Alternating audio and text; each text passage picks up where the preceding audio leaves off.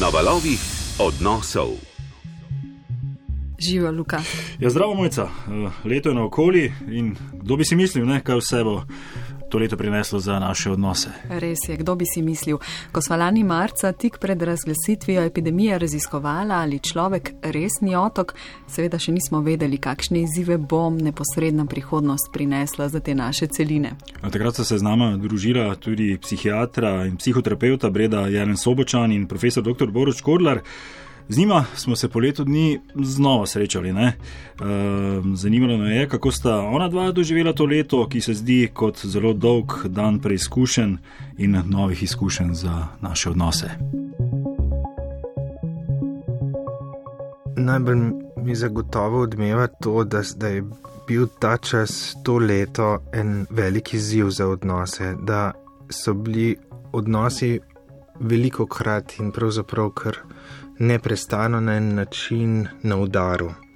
Zato, ker so se v to nevarnost uh, okužbe in ravnanj in ukrepov in, in vsega, kar je sledilo, in vseh zaprti in prelaganj in odpovedovanj, in vse to je zelo močno vplivalo na odnose, na naše druženje, od neposrednega jaz, ti na ulici, na, na, na, pri delu med prijatelji, koliko smem blizu, koliko se smem dotakniti, kaj lahko in na koliko blizu rečem, in moram imeti masko, sem lahko brez maske. Maske, čez katere dihamo, še, so še najmanj eh, problematične. Eh, bolj problem je tisto, kar se skriva za maskami. Za maskami so vse manj ljudje in vse bolj pravzaprav človeku podobne opice.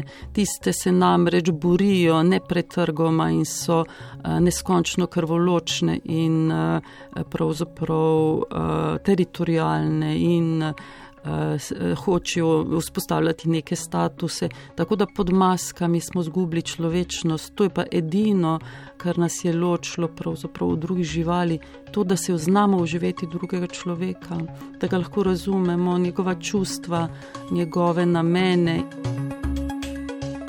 Neverjetne simbolne, uh, simbolna dogajanja, ki so se v tako hitrem času zgodila, da smo komaj dojeli in mislim, da bomo še dolgo tudi dojemali, kaj se je dogajalo in kaj se je zgodilo in kako je to spremenilo. Ja, to se pravzaprav eh, se še, še precej odmika. Še nekaj časa se bomo najbrž eh, spopadali in utrjevali v fizični, socialni, človeški, humani, etični distanci, in potem, ko bo to čez čas mimo, bomo pravzaprav na takem pogorišču, da se bomo spraševali, kako se ponovno vklopiti in približati. Verjamem, da se je v marsikaterem aspektu so se odnosi tudi pokazali, kako pomembni so, da smo jih zagledali, vrednost in nekatere od njih zato lahko še bolj cenimo in, in živimo in se veselimo. Gotovo so pa bili tudi taki, ki so nastradali, če tako rečem, da se je pa se zaradi tega okrnili, da smo se distancirali, da so lahko prišli tudi konfliktne situacije in nevoljo in nestrpnost in tako nas uh, zbujale. Uh, jaz sem prepričana, da smo na zelo uh, nevarnem valu kjer sama čutim, pravzaprav, če pogledam čustva in občutke kot neko informacijo, čutim predvsem močan sram, eh, sram v smislu, kakšna družba smo postali in seveda strašno razočaranje nad generacijo mojih vrstnikov, to smo tisti rojeni od 15 do 20 let po drugi svetovni vojni v neko obdobje enega blagostanja, ne, nek svet, kjer, kjer smo imeli vse na dlani. Če smo hoteli, smo to vzeli in mi zdaj vladamo planetu. In ko vidim katerega koli od voditeljev, mi udre v misel, pesem o pedem pedu, v pedem carstvu umno vlada visočanstvo, pedem ped, tam se toči limonada in tako naprej. Ta požrešnost, ta pravzaprav nepripravljenost deliti, razmišljati o drugem, je nekaj, kar mi povzroča pravzaprav en globok občutek sramu do prejšnjih generacij. In sveda sram do mladih, do šolarjev, do študentov, do otrok. Tako da pravzaprav um, ne morem živeti prav dobro uh, z to krivdo te generacije. Upam, da je čim več bilo tega, da nas je to tudi uh, pretreslo, streslo, da bomo v odnosih bolj pozorni, bolj odprti in bolj čuteči do drugega. To pomankanje tega eh, preprosto človeškega je nekaj, kar najbrž eh, eh, že dolgo nismo občutili, zato ker nas je. Na planetu tok in smo tako mimo grede prihajali do človeških kontaktov, kar tako. Zdaj je to pomankanje močno občutiti v mogoče neki, nekem pomankanju uh, um, enega štofa znotraj sebe, nekaj za misliti, nekaj za občutiti, nekaj za mentalno prežvečiti, nekaj za razumeti sebe, prihodnost in pomlad.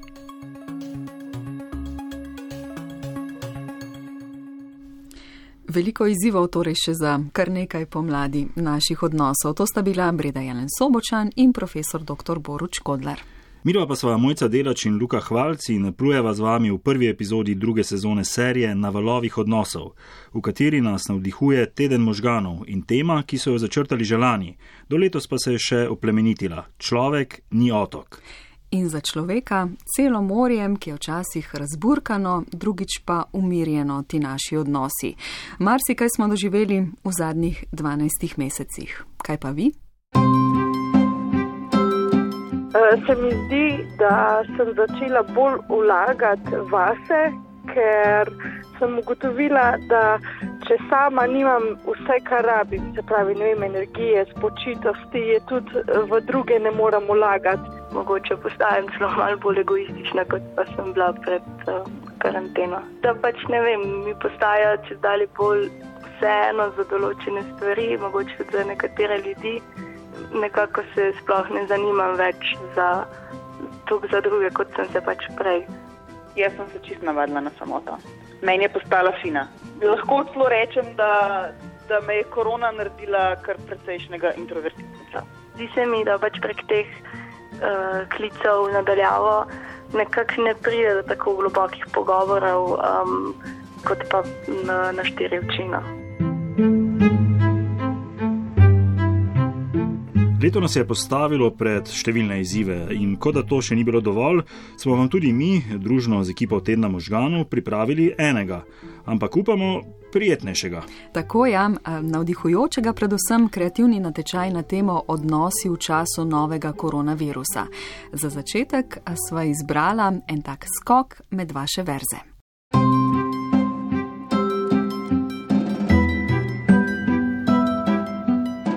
Mateja Novak.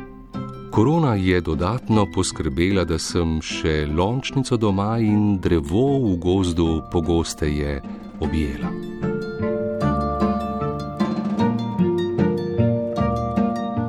Darja je ke. Tulimo v telefone in gledamo v ekrane. Premišljujemo, kako priti do hrane. Take, da prave, saj trgovine izobesile so zastave, kjer piše, da so zaprte kje so objemi in poljubi na lice. Ko o tem premišljujem, bo počilo mi srce. Kako rada bi objela svoje otroke, a so daleč, čez tri gore in tri potoke. Zvončki cveto, ptički pojo, držimo pesti, da vihari s seboj ta čas odneso. In spet bodo objemi in otroški smeh. Kaj lepšega je, ko z njimi poturško sediš na tleh brez skrbi, da kdo zalotite brez maske, ki zakrije smeh in veselje. Dobri stari časi, pridite nazaj, da skupaj bomo znali ceniti ta naš domači raj. Anja Ložar. Korona je prišla in nam ogromno skrbi prinesla. Sedaj pa je čas, da se poslovi in nam prinese veliko radosti. V nadaljevanju boste na temo odnosov slišali še nekaj stihov, zdaj pa prva tema naše serije: realnost pod maskami. Na valovih odnosov Skupna serija oddaj Možgani na dlani in frekvenca X. Maske, maske, maske. Zagotovo so postale eden izmed najbolj prepoznavnih simbolov zadnjega pandemičnega leta in nedvomno pomemben preventivni ukrep za preprečevanje širjenja koronavirusa. Niso pa maske spremenile samo našega zunanjega videza, realnost se je spremenila oziroma prilagodila tudi ali predvsem pod njimi. Na nje so se morali in se še vedno privajajo tudi naši možgani.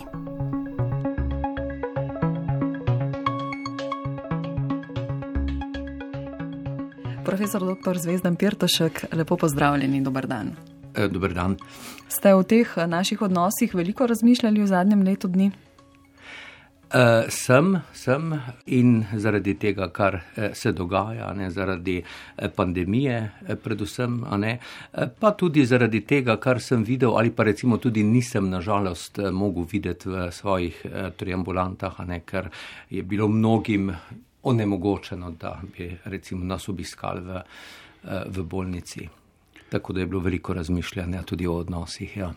Kako pa ste se privadili na maske, kakšne so mogoče konkretne izkušnje iz zdravniške prakse, komunikacije? Ne, veste kaj, meni ni bila to težava, jaz moram reči, ne po eni strani je že poklic takšen, da mi je od časa do časa seveda zahteval, da sem nosil eh, masko in je potem to del neke definicije tebe kot na delovnem eh, mestu. Moram reči, da, da recimo takrat, ko sem eh, gledal recimo japonske turiste v Ljubljani pred leti, ne, z maskami sem bil nekako začuden, ne, pa se mi je zdelo, da jih nosijo v prvi vrsti tega, ker, se, ker so strašno preplašeni in se vsega bojijo. Pa sem pa malo korigiral svoje mnenje, veste, ko sem sam potoval po jugovzhodni Aziji, v teh velikih eh, mestih, ne, še vedno sem videl veliko teh jugovzhodnih Azijcev, ki nosijo maske eh, in tam dol pa moram reči, da sem jo nosil tudi sam, pa ne zaradi strahu pred virusom, ampak ker so ta mesta zelo onesnažena in preprosto mi je bilo težko eh, dihati včasih. Ne. No, potem pa je zanimivo, so mi nekateri kolegi zdravniki povedali, da zlasti na japonskem večina ljudi ne nosi toliko mask zaradi onesnaženja, kolikor zaradi strahu pred virusom. In to mi je bilo eno zanimivo spoznanje, in sedaj se seveda, bom rekel, potrjuje neke vrste njihova ne vem, modrost ali pa praktičnost ali pa kaj takega. Poglejte, recimo, mi letos praktično skoraj da nimamo gripe. Ne? Verjetno, da je eden izmed eh, razlogov, da te klasične gripe nimamo tudi to, da nosimo eh, maske. Tako da jaz moram reči, da jaz osebno sam s tem problemom nisem imel in celo nasprotno, jaz včasih se vrnem iz službe in potem šele po eni uri opazim, da imam še vedno eh, masko na sebi. Ker so se vaši možgani tako navadili tako, na to tako, realnost. Tako, tako. Kako pa so, profesor Pertošek, naši možgani evolucijsko zoreli in dozorevali um, s tem zaznavanjem naših obrazov? Zdaj torej so deležni še maske v tej mhm, podobi, uh -huh. ampak brško naj je bila to zelo pomembna človekova lasnost, da je znal že od nekdaj prepoznavati obraze. Ja, absolutno. Zdaj ste se dotaknili enega strašno pomembnega dela tudi neuroznanosti ja, in to je, kaj je meni v okolju kot dražljaj najpomembnejše. No in zanimivo je, da se že v prvih urah ali tednih, recimo ali pa dnevih, bo novorojenček pravzaprav prepoznal človeški obraz kot nekaj čist posebno eh, kategorijo. Posebej bo spoznal tudi obraz svoje matere že zelo eh, hitro. Ne?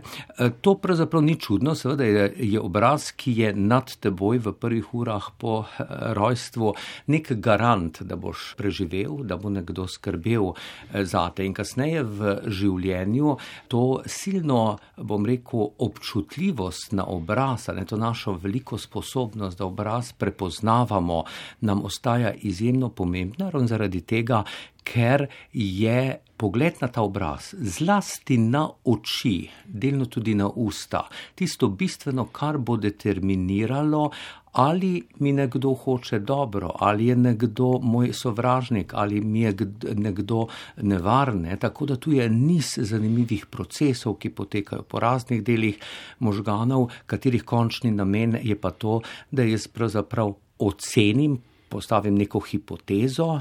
Ne, in potem to hipotezo preverjam, ali je res, ali so njegove oči sem eh, usmerjene ali tja, ali so kotički ust spodaj, zgoraj, ali so mišice obraza eh, zategnjene eh, in tako naprej. Ne.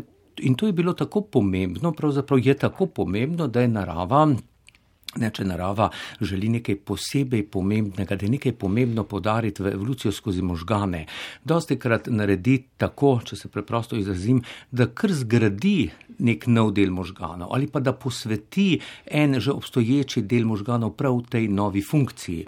In zanimivo, to se nam dogaja, imamo poseben del možganov, ki je namenjen predvsem za prepoznavanje obrazov, študenti ga bodo poznali pod imenom fuziformni, eh, eh, torej fuziformna vijuga, potem imamo en poseben del obraza, ki je usmerjen predvsem na to, kako gibamo oči in kako, eh, torej in kako prepoznavamo torej poglede. Uh, in uh, skratka, ja, jaz se strinjam, to je zelo, zelo pomembno, ena naših najpomembnejših evolucijsko pridobljenih, bom rekel, prednosti ali pa dobrih stvari. Tukaj omenili ste otroke, recimo, ki so bili na začetku pandemije stari eno leto ali pa manj kot eno leto, zdaj to zadnje leto, recimo razen staršev, se lahko zgodi, da so vendarle prepoznali veliko tudi svojcev, eh, samo v maskah. Bile so narejene ene zanimive študije, recimo, kjer so merili možgansko aktivnost, recimo tako, da so postavili pred tega malega, eh, nekaj mesečnega, recimo ali pa leto starega otroka, pravega človeka iz mesa in krvi, ki mu je govoril, ni se ga dotikal, ampak mu je govoril in pripovedoval, in potem tudi njegovo njegovo video podobo, zelo virno, vendar eh, digitalno eh, podobo. Ne. Podobno je bilo en drug lep poskus, ne, ker nekaj podobnega kot obrazi tudi govor, recimo, ne, pr, eh, človeku so naredili tako, da so ali učili isto lekcijo nekoliko starejšega otroka v živo, tako kot mi zdaj le eh, sedimo, ali pa so enako naredili na digitalnem. No in se je videla, eh, da je veliko več možganske aktivnosti takrat, ko je tukaj človek, eh, realen, ne digitalen človek. Ne? Tako da v tem digitalnem svetu se sicer vzbujajo iste eh, možganske funkcije, vendar se zdi, da z manjšo intenzivnostjo, ne, kot rečemo neurofiziološko, manj morda frekvence, manj amplitude eh, in podobno. In izkušnja seveda ni enaka. Tudi virtualni svet, ki je lahko dan danes že zelo izdelan, ne bo enak, kot pa recimo, če resnično hodite po robu nekega prepada ali pa kaj takega. Ne. Se pravi, če bi bilo to dolgoročno, če bi ti otroci se res razvijali in rasli s tem, bi to lahko prineslo posledice. Bi to lahko prineslo posledice, a ne skratka, možgani bi bili spremenjeni. Ne. E, po drugi strani moram pa res pa reči tudi to, da če pa je to kratkoročno, ne, mi imamo par procesov v možganih in možgani so tudi, bom rekel, tako čudovito prilagodljiv eh, organ, ne, e, se pa potem potem hitro vzpostavijo seveda funkcije, če ni prepozno, da se ta, če jo imenujemo sprememba ali škoda, lahko je ta sprememba včasih tudi na bolji ali pa kaj takega, ne, da se hitro uh, uravnovesi. Treba je povedati tudi to, da za pridobitev določenih funkcij v razvoju možganov, tipično recimo govora, tudi vida, recimo, ne, je to, da obstaja neko zlato okno eh, možnosti. Če jaz to okno zamudim, če meni v tej in tej starosti nihče ne da vidne podobe, ne? če meni v tej in tej starosti nihče ne govori, potem jaz ne bom eh, razvil govora, jaz bom slep ali pa bom hudo, hudo, eh, bom rekel, prizadet na, go, na funkciji govora ali vida. Ja, nelagodni občutek eh, sigurno obstaja, to sem opazila tako pri sebi kot pri drugih. Pa ponavadi v bistvu jaz nimam težav, da bi nekoga objela, ampak se vedno zadržim, ker ne vem, če je drugi osebi to ok. Profesor Pirtošek nas je tudi s pomočjo zanimive raziskave uvedel v svet naših možganov v času pandemije. Zelo neposredno in tehtno znanstveno študijo pa je pred kratkim skupaj s sodelavci objavil tudi najin naslednji gost. Uh,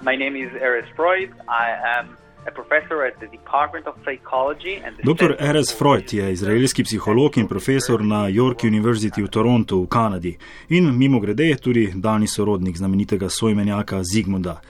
V raziskovalni ekipi profesora Freuda so pripravili študijo o tem, kako maske vplivajo na sposobnost prepoznavanja človeških obrazov.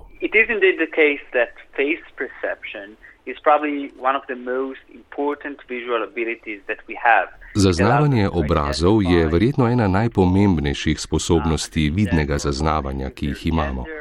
Omogoča nam prepoznavanje drugih ljudi, razumevanje ali zaznavanje njihovega spola, njihovih čustev in njihovih namer. Zato to sposobnost uporabljamo tako rekoč vse čas. Zaznavanje obraza je odvisno od holističnega procesiranja, zato obraz dojemamo kot celoto in ne kot skupek obraznih potez. Oči ne zaznavamo ločeno od nosu in nosu ne ločeno od ust.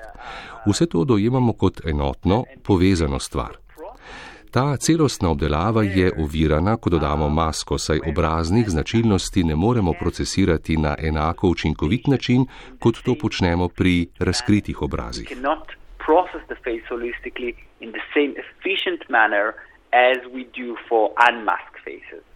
V študijo je bilo vključenih 500 odraslih oseb, glavne ugotovitve pa so konec lanskega leta objavili v strokovnem članku v reviji Nature.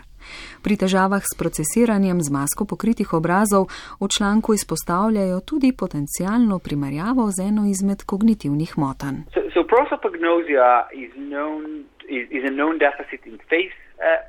Prozopagnozija je znana motnja pri zaznavanju obrazov. Posamezniki, ki jim je diagnosticirana, ne morejo prepoznati niti obrazov svojih najbližjih družinskih članov. Prozopagnozija je lahko posledica poškodbe, torej pridobljena, lahko pa je tudi prirojena. Nevronska osnova teh dveh pojavov je različna, hkrati pa vemo, da posamezniki z eno ali drugo vrsto prozopagnozije manj uspešno izvajajo celostno procesiranje obrazov. Ko torej dodamo masko, v nekem smislu postanemo malo prozopagnozoični do določene mere izgubimo svojo glavno sposobnost celostnega procesiranja obrazov, kar vodi do težav v zaznavanju.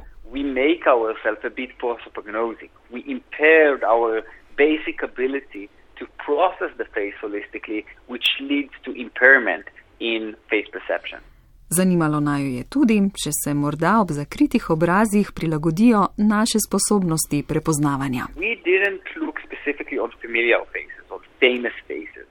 S temi specifičnimi vprašanji se nismo ukvarjali, ampak ja, ljudi lahko prepoznamo samo na podlagi oči. Vendar so naše sposobnosti za prepoznavanje zmanjšane v primerjavi z običajno stvarnostjo, v kateri zaznavamo tudi njihova usta in nos ter razmerje med temi različnimi obraznimi potezami.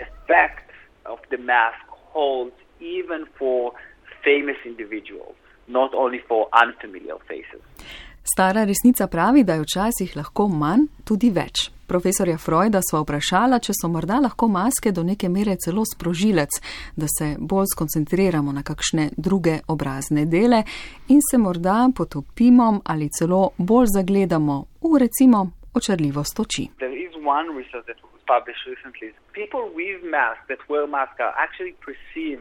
As more attractive S tem se v naših raziskavah nismo ukvarjali, obstaja pa nedavno objavljena raziskava, ki je pokazala, da so posameznike zaznavali privlačnejše takrat, ko so nosili maske, kot pa takrat, ko jih niso.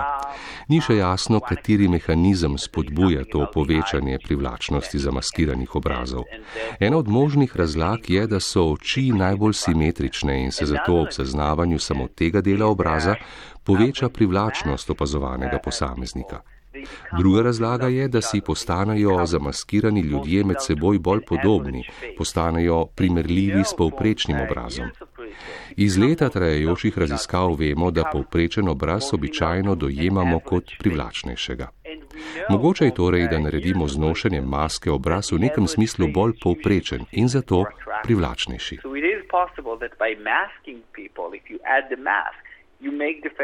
More average in a sense, and therefore more attractive. Sama tudi plešem in v tej skupnosti smo bili zelo navajeni pač tesnejših stikov, smo se vedno, ko smo se srečali, objeli. Um, zdaj pa kar čudno, ko, ko ne veš, a bi ali ne, pač naj ne bi, ampak ja, je tak čuden občutek, ko nekako je drugače. Um, ne, ne moreš biti tako sproščen, kot bi, kot si bil včasih. Z unim, vsi temi pač najbližjimi se še vedno včasih objavljamo, ampak um, ja, to so res ti najbližji, z ostalimi pa pač se samo pozdravimo, nasmejemo in ja, skomignemo zraven.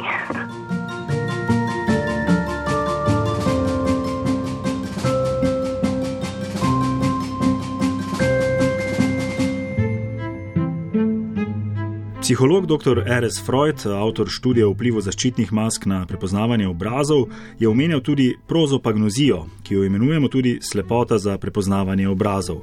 S to kognitivno motnjo se v splošni populaciji sooča ena oseba na 50 ljudi. Na drugi strani pa imamo tudi ljudi, ki so, če se malo pošalimo, pravi strup za prepoznavanje obrazov v še tako velikih množicah, pravimo jim super prepoznavalci. Profesor nevrologije dr. Zvezdan Pirtošek se z obema motnjama srečuje tudi v svoji ordinaciji. Mm, prosopagnozija, to je nezmožnost prepoznavanja človekovih obrazov, pravzaprav en, en fenomen, ki ga lahko gledamo kot neko gausovo krivuljo. Vi boste srečali, verjetno tudi v svoji družini srečate koga, ki reče: Jo, jaz sem pa tako slab eh, za obraze, ne? ali pa kako teto, neki med filmom vse čas. Čak, a je to tista plavolaska, ki je v onga zaljubljena, ali je to tista, ki ima, eh, ima zdaj otroka?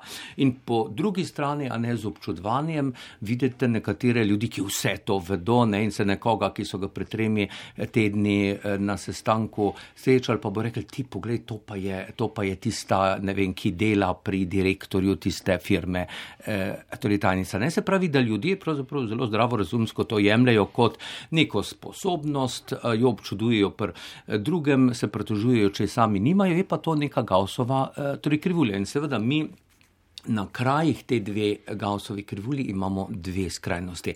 Ena skrajnost je prosopagnozija, to je moja nesposobnost, da prepoznavam obraze, e, in na drugi strani je tisti, ki nekako rečejo, da recimo si bomo v življenju bolj tako za prepoznavanje zapomnili recimo 20-30% naših obrazov, da ko jih bomo videli, a ne bomo takoj e, rekli, to je ta.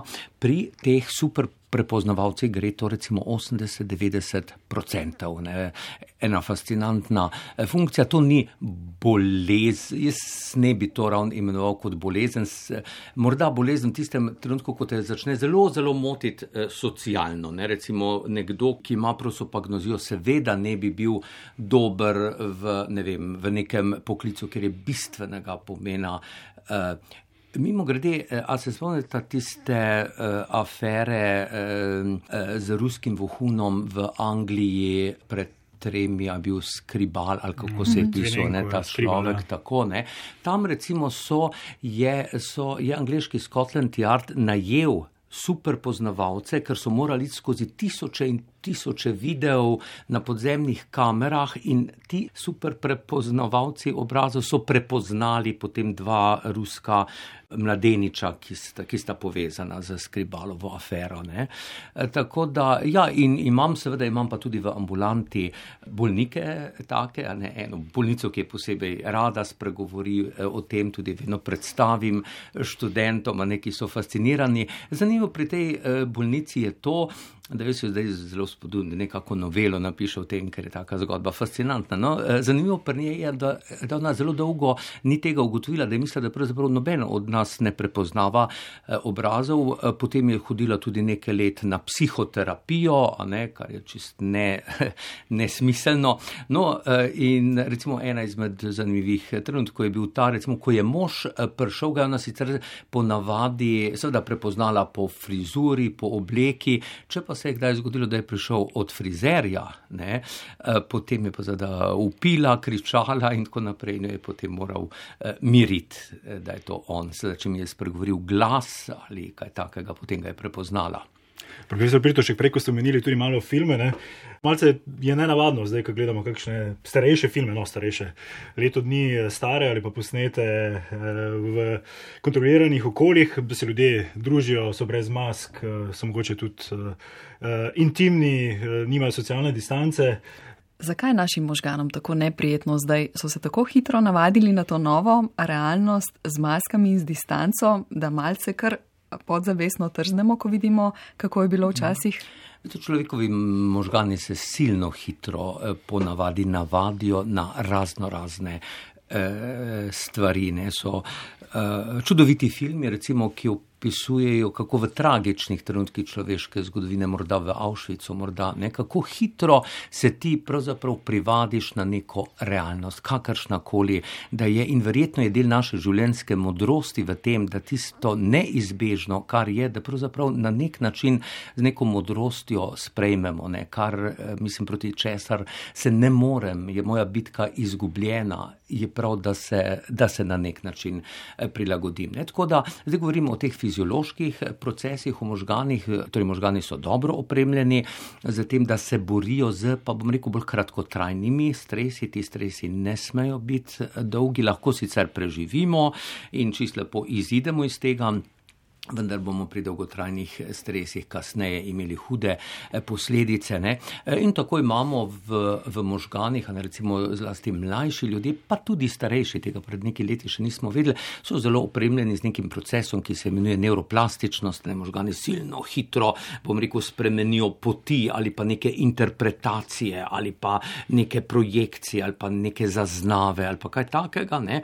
Eh, po drugi strani starejši imajo pa predvsem eno prednost, prednost nečesa, kar se imenuje morda neka širok pojem, je to kognitivna rezerva. To ne pomeni samo, da imam višek znanja, to pomeni tudi, da imam, skratka, da imam jaz na osnovi svojega znanja, na osnovi svojih izkušenj, ne, pravzaprav imam neke mentalne sposobnosti, da se situaciji eh, prilagodim. Ne.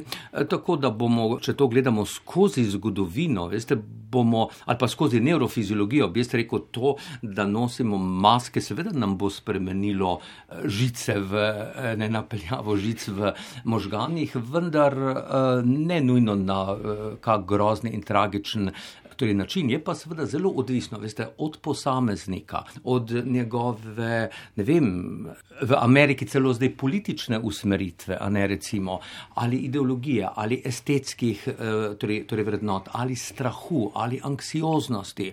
Jaz bi rekel, veste, da je v zadnjih 20-30 eh, torej letih nam veliko več škode naredila ta splošna anksioznost, ki je v družbi, tudi brez mask, ne, kako zelo kot družba postajamo anksiozni, kot pa recimo to, da zaradi nekega virusa pač moramo recimo nositi masko eh, leto, dve. So pa spremembe, o tem pa ni dvoma. Da. Omenili ste uh, starejše ljudi, spominjam se enega vašega teksta, objavljenega v večeru pred uh, meseci, predvsem uh, glede dementnih oseb, ljudi, ki so v institucijah. Uh -huh, uh -huh. Za nje pa je vendarle to dodaten katastrofalen šok. Ampak mi kot družba bi morali imeti toliko zdrave pameti, da bi. Da bi razumeli, da smo tudi kot ljudje, bom rekel, neka gausova eh, torej, torej distribucija, da je verjetno velika večina nas, tudi mi trije tukaj le.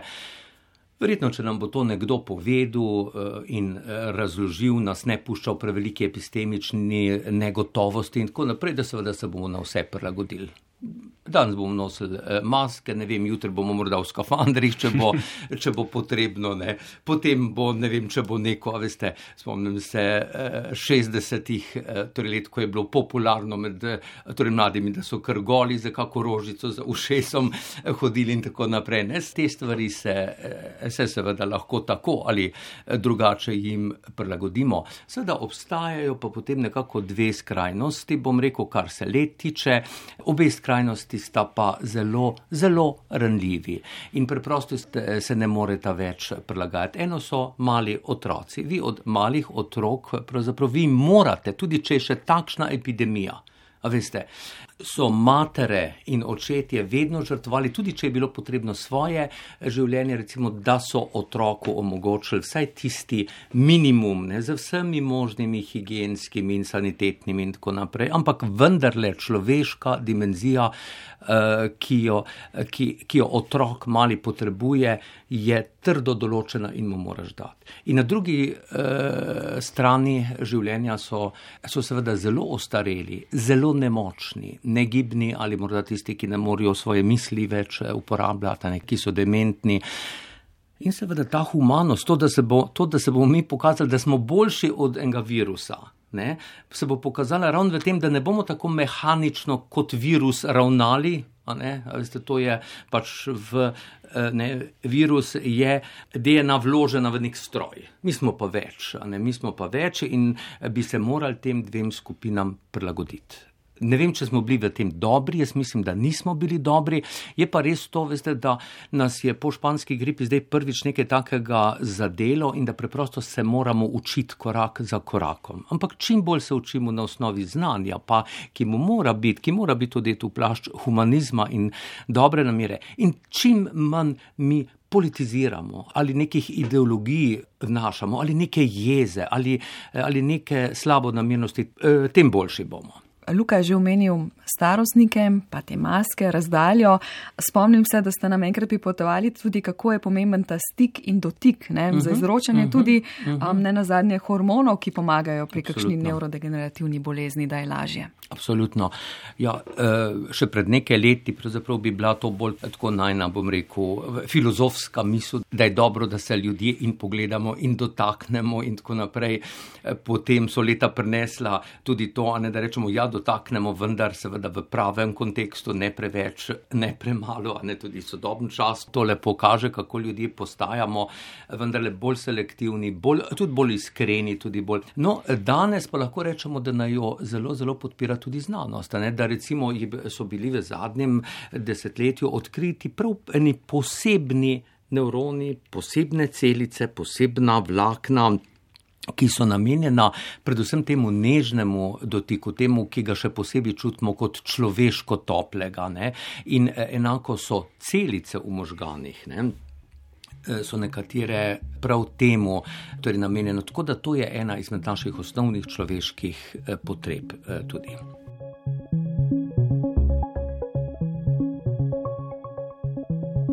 Na valovih odnosov. V kreativnem tečaju, ki smo ga izvedli skupaj z ekipo Tedna možganov, smo prejeli tudi številne zanimive pesnitve na temo odnosov. Hvala lepa vsem za sodelovanje, zdaj se bomo znova potopili za hip med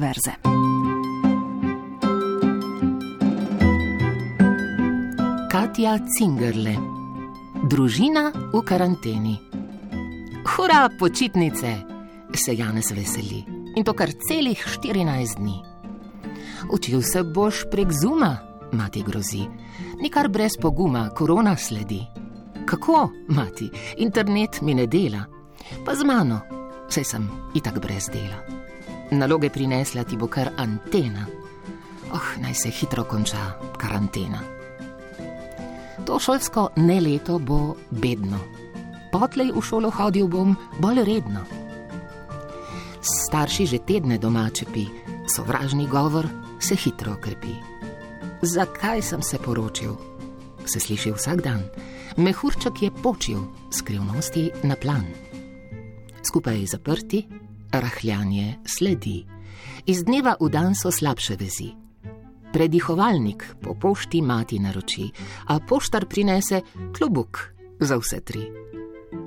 Janez zapada v šolotožje, oče si skrivoma ogleduje orožje kolesarjenja v postelji dolgo več ni, mati ljubimca si vse bolj želi. Janez bi družbo, oče bi pivo, mati v službo, vse je že sivo. Prosim vas, vlada in njeni pristaši, rešite družino, sej bodo vaši. Nič ne skrbite, govorec nam pravi. Nas le podprite, pa boste zdravi. Zdaj je že treba nosove nastaviti zavihati rokave, potomce pozabiti. Če imate kakšen zanimiv vers, misel, zgodbo ali pa tudi fotografijo na temo odnosov, nam jih lahko pošljete na radio 1 afna rtvslo.si ali na val 202 afna rtvslo.si oziroma nas poiščete tudi na družabnih omrežjih možganov na dlani ali frekvence X. Luka, prva epizoda letošnje serije na valovih odnosov je za nami, ampak to je bil šele začetek, gremo naprej. Lahko bi rekla, više, še bolj ekstreme. Ja, tako je mojca. Življenje in odnosi so se v zadnjem letu nedvomno močno spremenili, veliko krat tudi v prej eh, prav nepredstavljive ekstreme.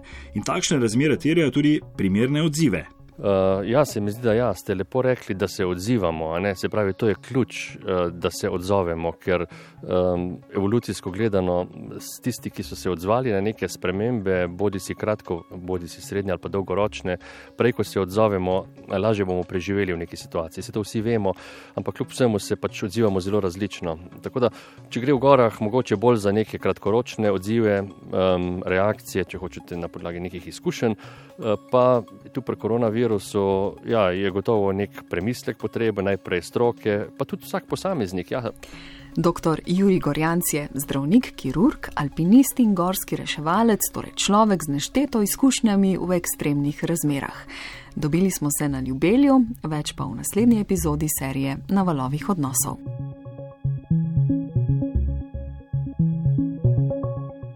Midva sva Mojca Delač in Luka Hvalc. Oddajo v obliki podcasta najdete v svojih aplikacijah na telefonih, če vtipkate možgani na dlani ali frekvenca X. Prisotni smo tudi na spletiščih Hvala 202 in 1. Vsebine pa bo v obliki prijazni za branje objavljala tudi na MMC-ju oziroma na rtvslo.si. Oddajo je posnel oblikovalec zvoka Jarnej Boc. Pri pripravi oddaje sta sodelovali tudi Neža Borkovič in Katja Stojnič. Brala sva Renato Horvat in Jasna Rodošek.